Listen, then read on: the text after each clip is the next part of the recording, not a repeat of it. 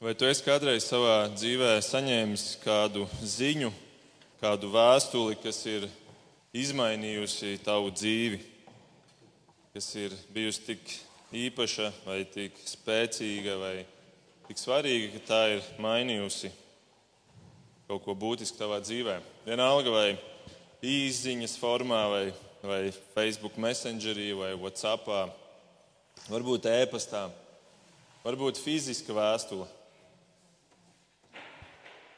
Varbūt tāda vēstule, kas ir izmainījusi tavu dzīvi. Man tādas ir bijušas, un eh, tās ir bijušas vēstules, kad es dzīvoju vēl Vācijā, kuras esmu uzaudzis. Pēdējais gads man tur dzīvojot, es biju sapazinies ar vienu meiteni Latvijā. Un, un tad mēs pēdējo pusgadu, kamēr es dzīvoju Vācijā, mēs sarakstījāmies vēstulēm. viens otram sūtījām fiziskas vēstules.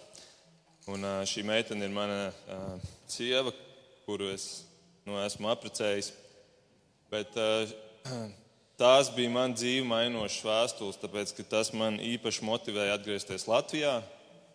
Un šodien, domājot par šo jauno sēriju, par šo vēstuli romiešiem, es domāju, ka tā ir vēstule, kas ir daudz dzīves mainījusi, un arī mainīs nākotnē. Un, un, uh, slavenais mācītājs Džons Paipers ir teicis, ka šī ir varenākā vēstule, kas ir jebkad sarakstīta. Šī vēstule romiešiem. Un uh, Mārtiņš Luters, kuru jūs arī labi zināt, par šo vēstuli ir teicis, šī vēstule romiešiem tiešām ir jaunās derības galvenā daļa un ir pats tīrākais evaņģēlijs Un tā ir tā vērta, lai katrs kristietis to neviens zinātu no galvas, vārdu pa vārdam, bet nodarbinātu sevi ar to katru dienu, kā savus dvēseles dienascho maizi. Arī mēs ar Girtu un Raimondu jūtamies līdzīgi par šo vēstuli, un mēs esam pēdējos nepilnus divus gadus studējuši to kopā arī ar um, doktoru Ilmāru Hiršu. Un esam, esam jutušies, ka nu, esam varbūt nobrieduši pieķerties šai iespaidīgajai vēstulē. Negribās teikt, ka esam gatavi, jo diez vai kāds ir kad var būt gatavs tai. Bet mēs esam, kā jau Girts minēja, nosprauduši, izveidojuši tādu rāmi, kuru mēs esam nosaukuši par Dieva evaņģēlijas. Tas ir tas nosaukums. Un tad, lai Dievs pilda to ar saturu šajās nākamajās nedēļās, mēnešos, kad mēs iesim tai cauri. Un šodien es vēlos jums dot tādu īsu ievadu par šo iespaidīgo vēstuli. Un, lai palīdzētu varbūt arī sakārtot tās domas, tad es vēlos šodien pieķerties sākumā par, parunāt par autoru šai vēstulē, lai saprastu, kas ir tā, tā autora sirds, kāpēc viņš to ir rakstījis. Un tad otrajā punktā padomāt par pamatēmu, kas ir Dieva evaņģēlijas, un tad trešajā nobeigt ar to, kā šī vēstule ir ietekmējusi citus cilvēkus, un arī, kā es ticu, tā var ietekmēt mūsu katru. Tad trīs punkti - Dieva kalps, Dieva evaņģēlijs un Dieva dinamīts. Dieva kalps. Es vēlos sākt ar pašu sākumu, un ja jums ir atvērtas Bībeles un jūs um, esat jau atvēruši romiešiem pirmo nodaļu, kur mēs arī ievadā lasījām, tad Es aicinu jūs varētu paskatīties uz pirmo vārdu. Kas ir pirmais vārds? Vienmēr ir labi sākt ar pirmo vārdu. Ne? Un pirmais vārds ir Pāvils. Pāvils, Jēzus Kristus kalps. Pāvils. Kas bija Pāvils, kurš svētā gara spēkā un vadībā ir sarakstījis šo vēstuli? Kā jūs droši vien zināt, Pāvils nevienmēr ir bijis Pāvils. Viņam agrāk bija cits vārds. Viņa vārds bija Sauls, Sauls no Tarsas. Un agrāk cilvēki pēc atgriešanās, kur viņi, kā arī Diana teica, ievadā, um, kur tu kļūst par jaunu radījumu, tu bieži vien saņem jaunu vārdu. Varbūt uh, Dianai arī, ja viņa dzīvotu tajā laikā, viņai šodien būtu cits vārds. Bet uh, Pāvils nevienmēr bija Pāvils. Viņš agrāk bija Sauls, Sauls no Tarsas. Un Tarsa atrodas mūsdienu Turcijā. Tad Pāvils piedzima Tarsā un literatūra liecina, ka Pāvēlam tēvs bija romietis. Un tas bija tas iemesls, kāpēc arī Pāvils bija skaitījās Romas pilsonis, kas viņam deva arī īpašu aizsardzību savā kalpošanas misijā. Bet kā pats Pāvils saka, kā pats Sauls saka, apstuļu darbos 22, viņš uzauga Jeruzālēmē. Jeruzalem no tās ir kā 1000 km attālumā. Tas būtu ejot kājām, līdzīgi kā mums no Rīgas līdz Berlīnai aiziet. Tātad tādā attālumā no savas mājas viņš devās un uzauga. Un tā nu mazais sauls uzauga Jeruzalemē, un tur viņš kļuva par mācekli rabīnam, jeb skolotājam Gamaliēlam. Un apstur darbiem pieci saka par Gamaliēlu, ka viņš bija visā tautā cienīts bauslības mācītājs. Mēs varētu teikt, ka Gamaliels bija tā laika spožākais no prātiem teoloģijā. Viņš bija tas, tas augstākais skolotājs, viņš bija tas, kas bija cienīts visā tautā. Un, ja Gamaliels skaidroja Bībeles rakstus, tad, tad cilvēki ticēja, ka šis ir pareizais skaidrojums. Un Sauls mācījās pie viņa kājām. Gamaliels savā skolā ļoti lielu uzsvaru lika uz uz vecās derības raksturvietu mācīšanos no galvas, no atmiņas un, un, un šo tekstu interpretēšanu. Un tā nu Sauls bija ļoti labi mācīts jūdu likumos. Tad, kad Sauls pabeidza savu skolu, viņš devās atpakaļ, kā, kā vēsturnieks saka, uz Tarsu. Viņš atgriezās Tarsā, kur viņš iespējams arī ieguva grieķu izglītību. Līdz ar to Sauls bija ļoti, ļoti plaši izglītots gan grieķu, gan jūdu mācībā.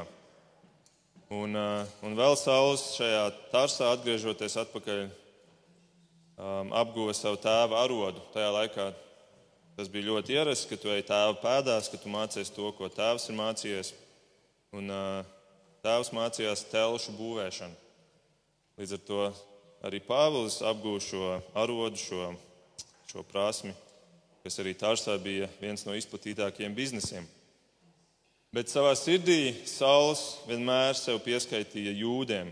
Viņš Filipiešu vēstulē raksta, ka viņš astotajā dienā bija apgaizīts, ka viņš nāca no Benjamīna cilts un ka viņš lepojās, ka viņš ir jūts, īsts jūts. Un tā nu esot Tarsā, bet savā sirdī esot jūdam, Pauls saņem ziņas, ka Izrēlā, savā, tātad savā sirds zemē, ir uzdarbojies kāds nācerietis, Jēzus, kurš ir izveidojis kustību, kura griež iekšā visam tam, ko Pāvils ir mācījies un kam viņš tic visai šai jūdu tradīcijai un senajai reliģijai. Un iespējams tieši šis bija tas apstākļus, kas lika Pāvēlam atgriezties Jeruzalemē. Un tā nu Sauls atgriežas Jeruzalemē un viņš raksta Filipiešu vēstulē, ka es biju tik dedzīgs, ka es vajāju Kristus draugu. Viņš atgriežas Jeruzalemē, kur Jēzus vairs nav klātesošs, jo viņš ir jau augšām cēlies un atstājis šo pasauli, bet Kristus draudzes svētā gara spēkā sāk uzņemt apgriezienus. Un aizstāvot šīs jūdu reliģijas tradīcijas, Sauls iestājās cīņā pret to. Un eh, ne tikai iestājas cīņā, bet viņš ir pirmajā līnijā, viņš ir pirmajā rindā, viņš ir galvenais vadonis. Apstuļu darbu septītās nodaļas beigās ir aprakstīts pirmais Jēzus sekotāja slepkavības gadījums. Un, eh, kā jūs zināt, tas ir Stefans, kurš tiek nomētāts akmeņiem. Un tur mēs lasām 58. pantā. Un izdzinuši ārpus pilsētas pie viņu Tie, tie viņu Stefanu nomētāja akmeņiem. Liecinieki atstāja savus drēbes pie kājām kādam jauneklim vārdā Sauls. Un tad daži panti tālāk. Bet Saulam Stefana nogalināšana bija paprātam. Tajā dienā sākās lielas vajāšanas pret draugu Jeruzalemē, un visi, izņemot apstuļus, izklīda pa jūdejas un Samarijas zemēm. Stefanu apglabāja dievbijīgi vīri un viņu gauži apraudāja, bet Sauls postīja draugi, gāja pa mājām, rāva no tām ārā vīrus un sievus, sievas un meta cietumā. Lūk, Sauls bija kļuvis par īstu teroristu, mēs šodien tā saucam. Viņš izplatīja bailes, tas bija terors, viņš nodarbojās, ar teroru, un tieši saule dēļ līja pirmo kristiešu asins. Un kad viņš apstuļu darbu 26. nodaļā stāv ķēniņa Agripus priekšā, kas jau ir viņa dzīves jau stiprs vēlāks brīdis, viņš atskatoties uz šo laiku, kurā viņš bija šis terorists, viņš saka, saņēmis no virspriesteriem pilnvaru, daudzus svētos es esmu slēdzis cietumā, un kad tie bija jānogalina, arī es par to balsoju. Pa visām sinagogām es bieži viņus sodīju, daudz un dažādu spiedu viņus zaimot, zaimot savu jēzu, un pārmēru trakodams vajāju viņus pat svešās pilsētās. Tāds bija Sauls. Un vienā šādā ceļojumā uz šīm minētām svešajām pilsētām, uz kādu svešu pilsētu vārdā Damaska, notika kaut kas negaidīts Saula dzīvē. Šajā ceļā uz Damasku, kas veda vairāk dienu ceļā pāri kalnu masīvam, un esot jau tuvu Damaskai, tur, kā Sauls pats liecina, notika sekojošais. Viņš raksta, viņš saka šim ķēniņam. Es devos uz Damasku ar virspriesteru pilnvaru un pavēli, un dienas vidū pa ceļu ejot, ak, ķēniņ, es ieraudzīju gaismu no debesīm, spožāku par sauli, kas apspīdēja mani un manus ceļa biedrus. Mēs nokritām visi pie zemes, un es dzirdēju balsi uzrunājam mani ebreju valodā: Sauli, Sauli, kādēļ tu mani vajā? Grūti tev ir pret dzelksni spārdīt. Bet es jautāju, kungs, kas tu esi? Un kungs sacīja, es esmu Jēzus, ko tu vajā. Beidzot, Sauls bija saticis Jēzu, un šajā brīdī Saula dzīve pagriežās pa 180 grādiem pretējā virzienā. Ne fiziski, jo viņš pēc tam devās uz Damasku, bet garīgajā ziņā tas bija pagrieziens pa 180 grādiem. Un eh, šis iespējams ir vispārsteidzošākais atgriešanās stāsts visā Bībelē. Jo vīrs, kurš, kurš bija vislielākais Jēzus ienaidnieks, kurš, par, ne, kurš, kurš bija galvenais vajātais, kļūst par lielāko Jēzus kalpu un lielāko Jēzus aizstāvi, par lielāko no misionāriem par autoru visvairāk Bībeles grāmatām un arī par autoru mūsu romiešu vēstulē. Un šajā brīdī, šajā apbrīnojamajā notikumā, visas cilvēces vēstures kurs pagriežas citā virzienā. To šo dedzīgo vīru, kurš tiek pagriezts un kas pēc tam aizsniedz daudz, daudz cilvēku arī mūsu šodien. Tāpēc mēs šodien šeit stāvam un, un runājam par vēstuli, kuru viņš ir uzrakstījis svētā gara spēkā. Un tā mācība mums, es domāju, ir, ka neviens nekad nebūs pārāk ļauns, lai Dieva žēlastība nespētu viņu glābt.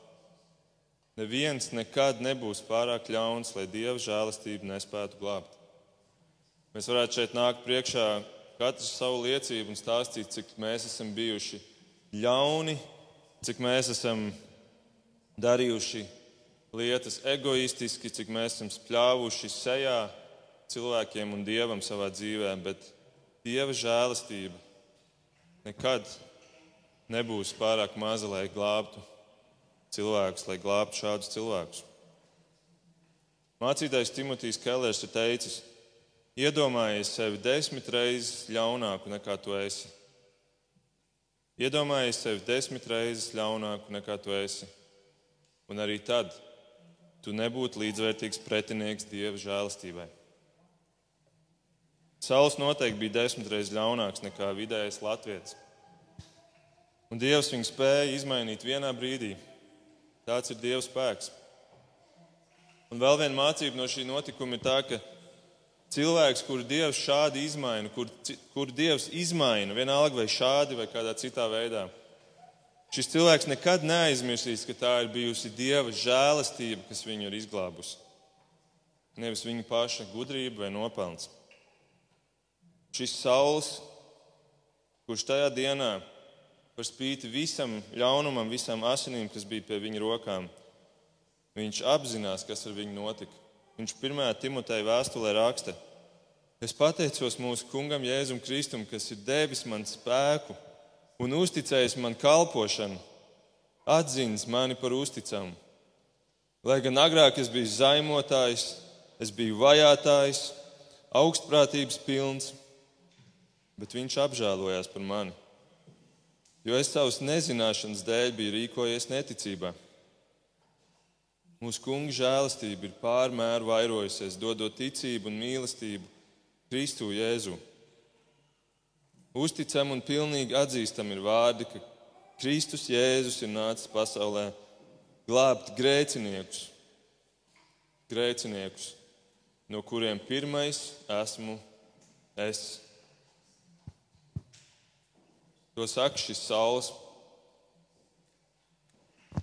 Viņš visu dzīvi atcerējās, kas ar viņu bija noticis to dienu. Viņš nekad to neaizmirst. Un tādēļ viņš romiešu vēstuli sāk ar šiem vārdiem: Pāvils, Jēzus Kristus, kalps.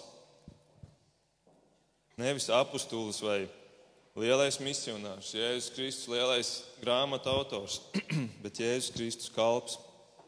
Viņš nekad to neaizmirs.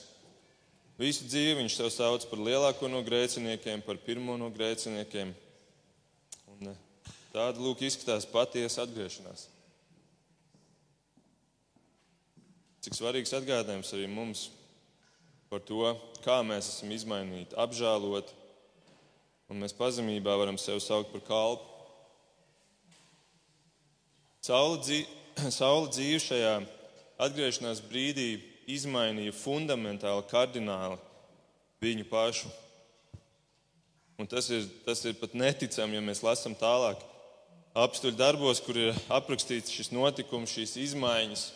Apstuļu darbos 9. nodaļā tur ir teikts, ka pēc visa šī, kas ar viņu notika, tur ir rakstīts, viņš tūdaļ sludināja sinagogās par Jēzu, ka Jēzus ir Dieva dēls. Tas ir neticami Pāvils, kurš kurš devās uz Damasku šo misiju, meklēt, kaut, kaut atrast kādu kristieti, lai tikai viņu pēc tam vajātu. Notiek šī izmaiņa, un viņš turpina savu misiju. Viņš dodas uz Damasku, bet tur viņš iet un sludina, ka Jēzus ir Dieva dēls. Un tur tālāk teikts, visi, kas to dzirdēja, izbijās un runāja, vai tad šis nav tas pats, kurš Jeruzalemē vajājas tos, kas piesauc Jēzus vārdu un Un tagad viņš ir nācis šurp, lai apcietinātu un vēstu tos pie virspresteriem. Bet saula ietekme ar vien pieauga, un viņš radīja apjukumu jūdos. Panta beigas. O jā, kas par apjukumu? Tik liels apjukums, ka viss sagriezās kājām gaisā. Tagad tie paši cilvēki, kur bija sūtījuši saulu uz Damasku, tagad sūta slepenus aģentus, lai atrastu šo saulu un viņu novāktu. Kas rezultēs beigās tajā, ka saulam ir jāpamet šī pilsēta slepus un viņš tiek nolaists ar groziem pa Damaskas mūriem nakts vidū. Un kopš šī notikuma saules tiek saukts par Pāvilu. Ir jauns cilvēks, jauns radījums, Pāvils. Un tad Pāvils ierodās Jeruzalemē, kur viņš grib satikt pārējos Jēzus mācekļus. Viņš grib pievienoties šai Jēzus mācekļu komandai, bet arī viņiem ir bail no Pāvila. Viņiem liekas, nu jā, tas Pāvils, tas slīpētais džeks, viņš jau grib izspēlēt vienkārši kārtējo triku, grib izlikties, ka ir draugs un tad tiks mūsu, mūsu šajā Jēzus draudzes pašā sirdī, lai pēc tam izvilktu savu dunci un un uh, novāktu. Bet beigās kāds vīrs vārdā Barnaba saved Pāvilu kopā ar šiem apstuļiem, ar šiem mācekļiem. Un Pāvils pēc tam dodas sludināt Jeruzalemes ielās, apliecinot savu patieso ticību Jēzus apstuļu priekšā un visas Jeruzalemes priekšā. Un par to jūdi atkal grib viņu nogalināt.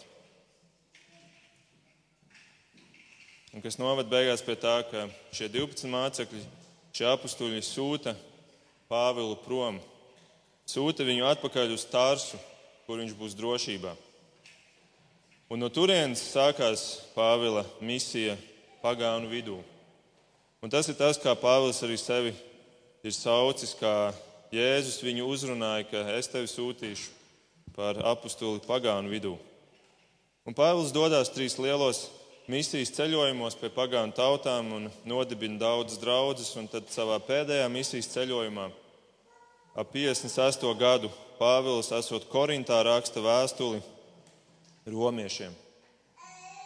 Šajā pēdējā misijas braucienā viņš raksta vēstuli Romas draudzē, kuru kā vienīgo viņš nepazīst personīgi. Pārējās draudzes viņš ir dibinājis. Pārējās draudzes, kurām viņš ir rakstījis vēstules, kas atrodas Bībelē, viņš, viņš ir pazinis, viņš ir bijis dibinātais, bet šo draugu viņš nepazīst. Līdz ar to viņš sūta šo vēstuli, lai uzņemtu pirmo kontaktu. Un šajā vēstulē viņš cenšas izskaidrot, kam Pāvils, kam viņš tic. Līdzīgi kā mana sieva, kad viņa rakstīja man vēstules, un es viņai, tas mērķis bija iepazīties tuvāk, uzsākt šo pirmo padziļināto kontaktu.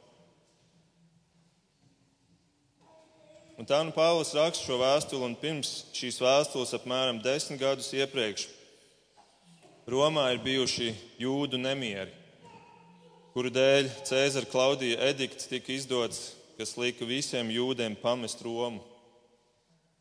Visi jūdi bija pametuši Romu. Romā bija palikuši vairs tikai pagānu kristieši. Un tad īsi pirms Pāvila romiešu vēstules rakstīšanas Nērons atļauj jūdiem atgriezties Romā. Un tā nu tas konteksts ir tāds, ka rezultātā ir atkal Romas draudzene savienota kā jūda un pagānu draudzene, bet ir izveidojušās domstarpības domstarpības par to, kas tad ir tā kristīgā mācība un kas ir tā praksa, kā mums vajadzētu dzīvot. Un tādēļ Pāvils raksta šo vēstuli kā tādu pamatīgu izskaidrojumu, tādu kristīgās mācības manifestu. Bet bija vēl otrs iemesls, kādēļ Pāvils rakstīja šo vēstuli. Jo viņš gluži vienkārši gribēja tikt uz savu sapņu zemi Spāniju. Mums arī varbūt kādiem sapņu zeme ir Spānija, kas mums asociējas ar pludmali un, un, un uh, vasaras brīvlaiku. Bet Pāvils gribēja tikt uz Spāniju, lai tur izplēstu pēc tam tālāk uz, uz Eiropu savu, savu kristīgo mācību. Un, lai tur nokļūtu, lai nokļūtu Spānijā, viņš vēlējās izveidot atbalsta bāzi Romā, kas ir pa ceļam uz šo Spāniju. Un tā nu viņš raksta šo vēstuli, lai romieši zina, ko sagaidīt no Pāvila, un lai zinu, ka drīz viņš brauks ciemos pie viņiem. Un neilgi vēlāk Pāvils tik tiešām arī nonāk Romā, tomēr ne gluži kā bija plānojis. Jo viņš tur nonāk apcietinājumā, kur vēlāk arī beidzās viņa dzīves ceļš. Romā viņš atdod savu dzīvi par savu kungu Jēzu Kristu. Bet mantojumā paliek šī grandiozā vēstule, kura atklāja, cik dziļi izglītots Pāvils bija Bībeles izpratnē, Bībeles atziņā. Viņš šajā vēstulē citēja veco derību vairāk nekā jebkur citur, 57 reizes. Jo viņš tik labi pazina Bībeli un viņš centās pamatot tam, ko mēs kā kristieši ticam ar, ar to, kas ir vecajā derībā jau rakstīts par Dievu, par Jēzu. Un tā mācība mums, es domāju, ir arī tā, ka skatoties uz Pāvilu, mēs varam būt droši, ka tie cilvēki, kuri mācās Dievu vārdu un aug izpratnē, šos cilvēkus Dievs spēja lietot. Varbūt šodien tu nesaproti, kas ir tava vieta, kur tev vajadzētu doties kalpot. Bet turpina augt Dieva vārdā, izpratnē, atziņā par viņu.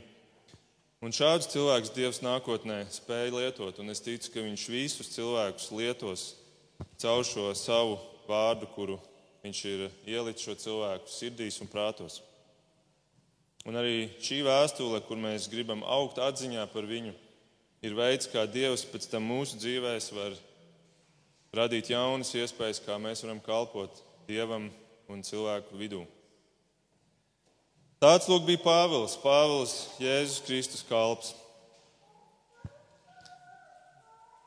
Tagad es vēlos parunāt par šo otro punktu, Dieva evaņģēlīju, par šo pamatēmu, par ko ir šī romiešu vēstule. Tātad šis pirmais pants turpinās šādi: Pāvils Jēzus Kristus kalps, aicināts būt par apustuli, izvēlēts sludināt ko? Sludināt Dieva evaņģēlīju. Mēs redzam, Dieva evaņģēlijas sludināšana ir Pāvila galvenā jaunās dzīves jēga. Un es droši Varu apgalvot, ka tā ir katra kristieša jaunā dzīves jēga. Neviens no mums nav padarīts par kristieti, lai lūgtu augļus un dzīvotu tajā sev, bet lai mēs sludinātu Dieva evaņģēlīju tālāk tiem cilvēkiem, kuri dzīvo joprojām tumsā un nezināšanā. Šajā vēstulē šis Dieva evaņģēlijs, kas bija izmainījis pašu Pāvilu, ir galvenais objekts, galvenā tēma. Bet, ja mēs jautājam, kas tad ir Dieva evaņģēlijs? Kas ir evaņģēlijs? Evaņģēlijs no grieķu vārda evangelion nozīmē salikumu ev ir labs un angelion ir ziņas vai sludinājumi. Mēs varētu teikt, Dieva evaņģēlijs ir, jeb evaņģēlijs ir labie sludinājumi. Labie sludinājumi, kas nāk no Dieva. Populārāks apzīmējums ir labās ziņas, labā vēsts. Labās ziņas. Bet romiešu vēstule nerunā par kaut kādām labām ziņām. Te ir uzsvers uz vārdu Dieva labās ziņas, Dieva evaņģēlijas. Un tie no jums, kas bija pagājušajā svētdienā, kad Raimons šeit runāja, tad eh, Raimons pieķērās arī mazliet šim vārdam evaņģēlijas, un viņš deva mums uzdevumu, ja jūs atceraties. Viņš iedeva lapiņu, kurā viņš lūdza mums katram uzrakstīt īsā formā, kas tev ir evaņģēlijs. Kas tavuprāt ir evaņģēlijs? Un Raimons man atsūtīja apkopojumu. Jā, par, vēlos vienkārši par, nolasīt populārākās atbildes, kuras mēs devām. Tās atbildes ir pārfrāzējot un sagrupējot tādām lielākām varbūt tēmām, bet populārākā atbilde bija, ka evaņģēlijs ir Dieva risinājums. Dieva risinājums. Es domāju, ļoti, ļoti precīzi precīz atbildi. Otrā populārākā atbilde bija: Evangelijas nozīmē sludināšanu. Trešā atbilde bija: stāsts par Dieva jeb Jēzus dzīvi. Un tad bija vēl dažādas atbildes, kā piemēram Dieva padoms, Dieva vērtības un citi. Bet mums interesē, ko tad Dievs saka par to, kas ir šis Dieva evaņģēlijs, kas ir tā Dieva versija. Kas ir tā Dieva versija? Un uh, Romiešu vēstulē, varbūt, ja mums būtu jāpaņem no visām 16 nodaļām kāds viens vai divi panti, kas ir tā centrālā doma, tad tie ir 16.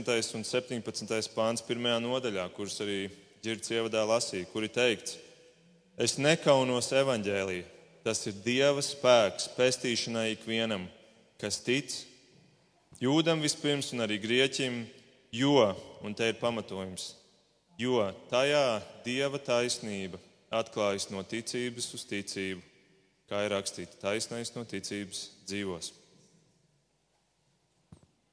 Tātad Dieva evaņģēlijas ir Dieva taisnības atklāšanās caur ticību Jēzumu. Un tas uzsvers ir caur ticību Jēzu, nepieliekot tai vairs klāt neko citu. Neprasot neko vairāk par šo no cilvēkiem. Nevienu darbu, ne kristību, ne iešanu pie vakarēdiena, ne iešanu uz baznīcu, nekādus labus darbus, neko vairāk neprasot, lai izpatiktu Dievam vai lai būtu pietiekams Dievam. Jo Jēzus, un tā ir tā evaņģēlīja vēsts, jo Jēzus ir izdarījis jau visus vajadzīgos darbus pats. Ja mēs saņemam Dieva taisnību, mums tiek Dievs pasaka, tev, Markus, ir taisnība. Tādēļ, ka tu ticībā pieņem Jēzus darbu, un šis Jēzus darbs tev dod taisnību. Tas ir Dieva evaņģēlijs. Dieva evaņģēlijs ir vistīrākais evaņģēlijs, kāds ir sastopams pasaulē, jo, diemžēl, pasaulē ir daudz evaņģēliju. Cilvēki ir izdomājuši neskaitāmus savus evaņģēlijus. Parasti šie evaņģēlīji prasa pielikt kaut ko klāt, vēl kādus darbus, kuri tev ir jādara, lai tu būtu pietiekams dievam, vai lai tu neatkristu no Dieva. Citi saka, ka labāk noņemsim kaut ko no šī evaņģēlīja, piemēram, grēka, nožēla. Bet Dieva evaņģēlijs ir šis tīrais evaņģēlijs, ka mēs pieņemam Jēzus Kristus darbu, un Dievs ar to mums saka, tev ir taisnība. Bet šie citi evaņģēlīji Pāvils patiesībā diezgan daudz par viņiem arī runā, un, piemēram, Galatiešu vēstulē viens, viņš dod vienu piemēru. Viņš brīdina par to, ka nāks cilvēki, kuri mācīs tev citus evaņģēlijus. Viņš raksta Galatiešiem, Es brīnos, ka jūs tik viegli novēršaties no tā, kas jūs ir aicinājis Kristus žēlastībā, un ka jūs nododaties citam evaņģēlijam.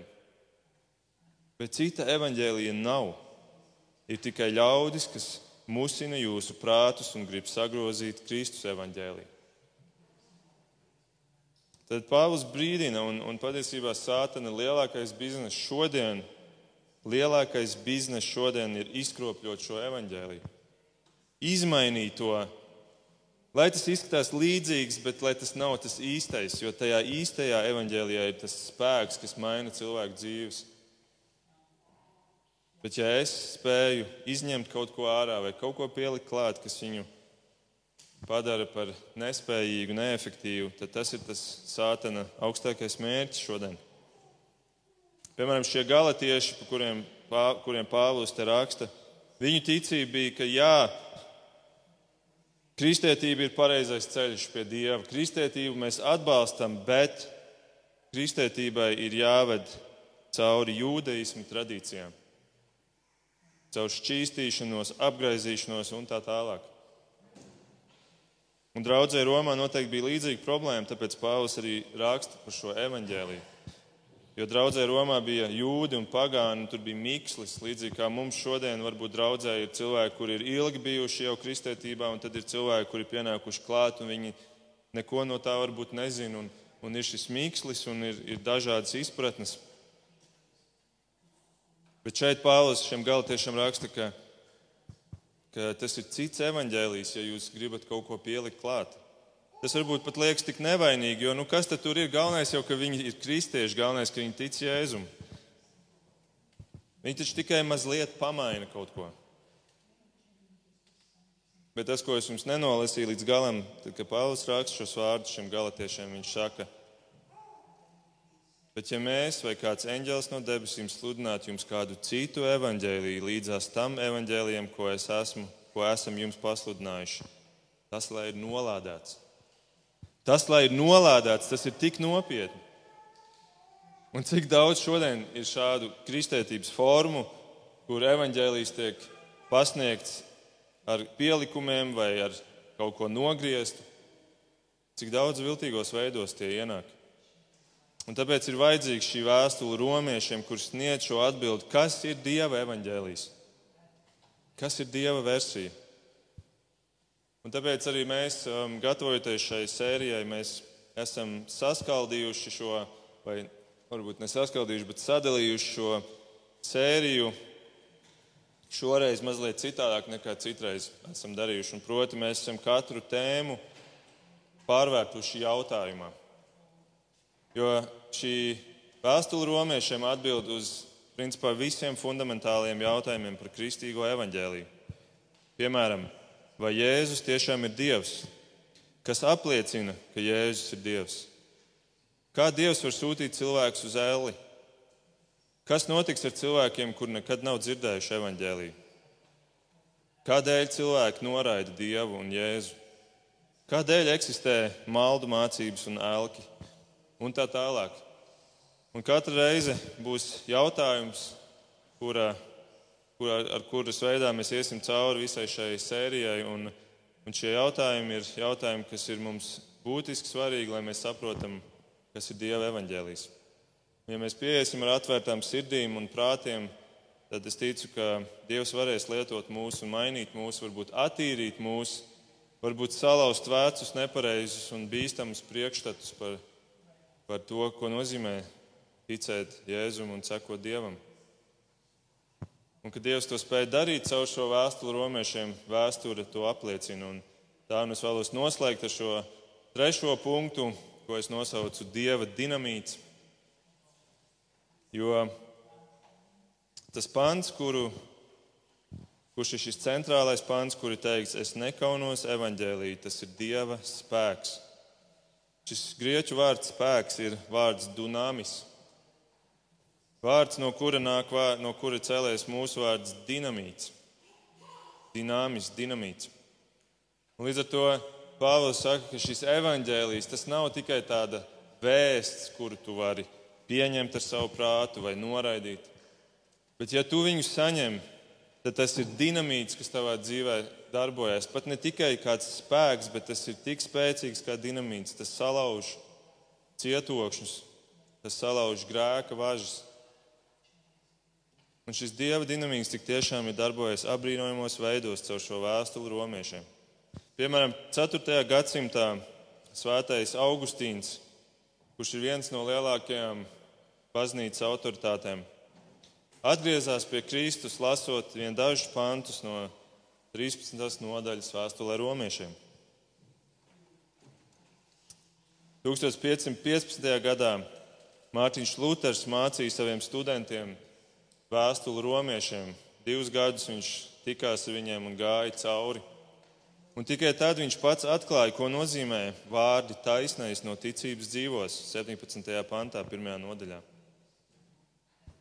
Viņš vienmēr bija lasījis latīņu tulkojumu, kur vārdi justus fikāri nozīmē darīt taisnu, un viņam vienmēr bija izpratne bijusi, ka darīt taisnu nozīmē, ka man ir kaut kas jādara, lai es saņemtu Dieva taisnību. Bet te viņš izlēma ieskatīties grieķu vārdā, grieķu tulkojumā, kas ir dikājos, lai atklātu, ka tur ir teikts, ka tas nozīmē tikt deklarētam par taisnu. Nevis darīt taisnu, ka tu dari sevi taisnu, bet ka tu tiec deklarēts par taisnu. Un šī atziņa, ka dieva taisnība nav cilvēkam pašam iegūstama, bet ka dievs to uzliek cilvēkam, lika Lutheram nostāties beig beigās pret katoļu baznīcas mācību, kas rezultējās lielākajā atmodā kristīgās draudzes vēsturē, ko mēs saucam par reformāciju. Šis viens pants, izpētīts savā oriģinālajā tekstā, izmainīja Mārtiņa Lutera izpratni par to, ko nozīmē Dieva evaņģēlijs. Un cik daudz tas ir izmainījis pēc viņa kristīgo draugu. 220 gadus pēc Mārtiņa Lutera Džons Veslijs apmeklēja kādu sapulci, kurā tika lasīta Lutera, uh, Lutera priekšvārds romiešu vēstulē.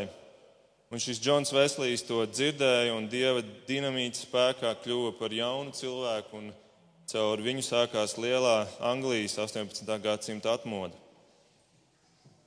Džons Banjens, studējot romiešu vēstuli Bedfordas cietumā, kurā viņš savas ticības dēļ bija ieslodzīts, bija šo romiešu vēstules vārdu un tēmu tik ļoti aizkustināts, ka viņš beigās uzrakstīja turpat cietumā Svēceļnieku taku grāmatu, kas aiz Bībeles ir otrā visvairāk izdotā grāmata vēsturē. 20. gadsimtā izcilais teologs Kārlis Barts ar saviem komentāriem par vēstuli romiešiem izraisīja lielu satricinājumu, izdemolējot liberālo kristietību, kas tajā laikā bija guvusi virsroku. Šie ir tikai daži no cilvēkiem, kuri tika pārveidoti, lasot šo vēstuli romiešiem, un pēc tam caur viņiem tika dinamītas spēkā pārveidoti citi cilvēki, uzlaustas prātu un siržu ķēdes un cietokšņi, un, un cilvēki saprata, ko nozīmē dieva mīlestība un žēlastība, un dieva evaņģēlijas darbojas vareni. Un tā nu šī tik tiešām ir varena vēstule, un man ir prieks, ka mēs varam viņu kopīgi, varēsim kopīgi studēt un mācīties, un, un mēs varam piedzīvot izmaiņas savā dzīvē, ja mēs ļausimies Dieva evaņģēliem, kā to darīja Dieva kalps Pāvils. Un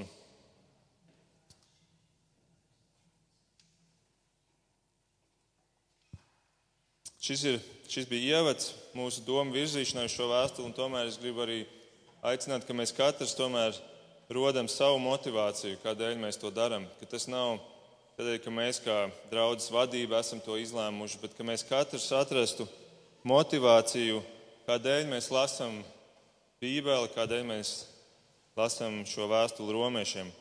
Un ka tas nebūtu tikai šie vēstules burti, jo lasīt burtus ir viena lieta, bet sajust to, ko šis autors ir gribējis pateikt, ko viņa sirds ir situsi, kas ir bijis viņa nodoms, kas ir bijusi tā būtība.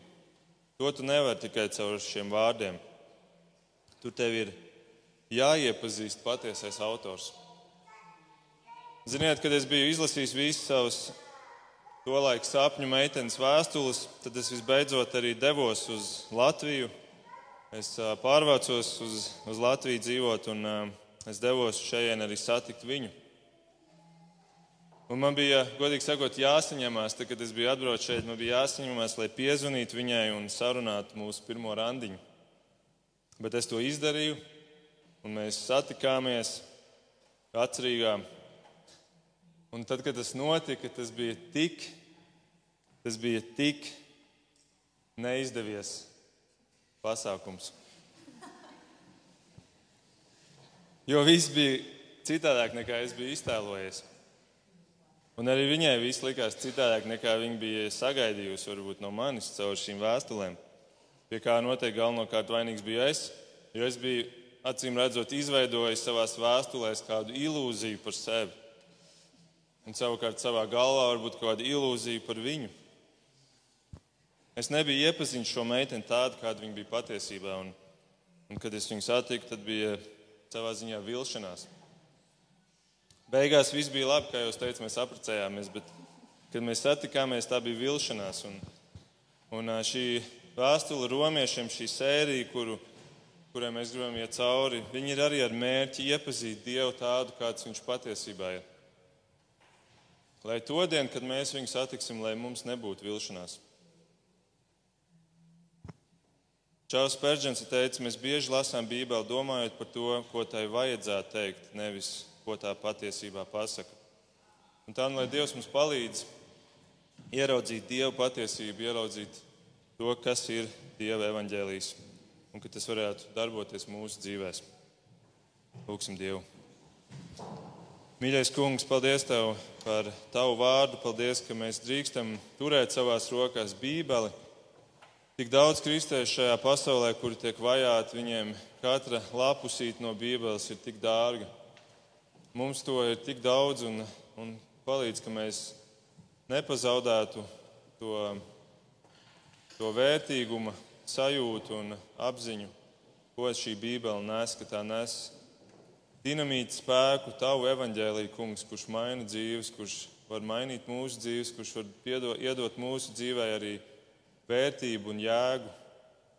Un ka mēs vairs nedzīvojam sev, bet ka mēs dzīvojam kā kalpi tev, kungs. Un ka mēs sludinam tavu vārdu, kurš padara dzīvus. Lūdzu, svētī mūs katru un lūdzu dod, ka mēs katrs varētu vairāk iemīlēties tevī, lasot šos vārdus, kurus tu esi sūtījis mums caur vēstuli, kas ir adresēta romiešiem, bet kas ir adresēta arī visiem kristiešiem, tā skaitā mums. Lūdzu, darbojies tu, kungs, savā spēkā, ko mēs lūdzam Jēzus vārdā. Amen.